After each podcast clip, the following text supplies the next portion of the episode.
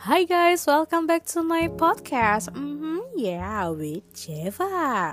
Apa kabar kalian hari ini? Semoga kalian sehat-sehat aja dan selamat tahun baru. Walaupun ini udah bulan Februari ya, uh bulan di mana cinta-cintaan.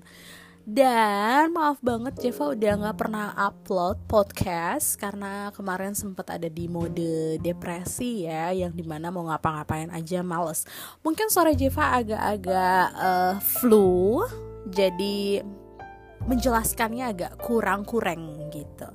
Nah hari ini Jeva mau ngebahas tentang seks itu tabu.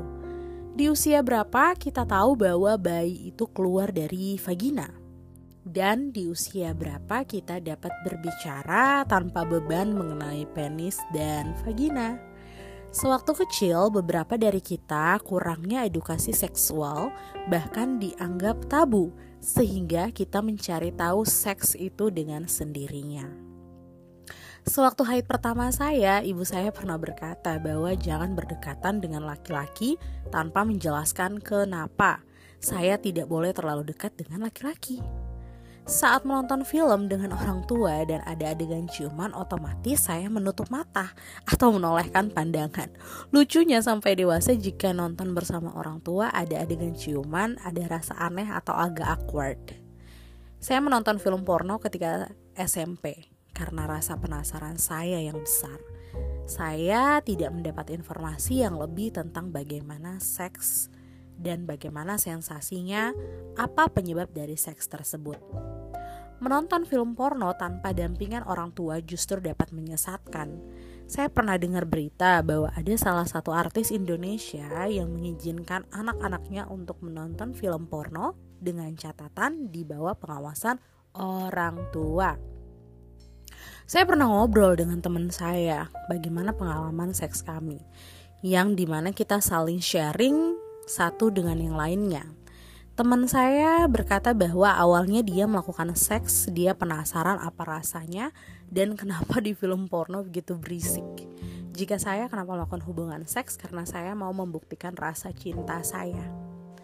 Kalau menurut Journal of Sex dan Marital Therapy berjudul Gone But Not Forgotten, Virginity Loss and Current Sexual Satisfaction, iya kali itu bacanya yang ditulis oleh Veronica Smith and Matthew Matthew 2013 menjelaskan bahwa pengalaman seksual pertama sangat menentukan kehidupan seksual seseorang sepanjang hidupnya.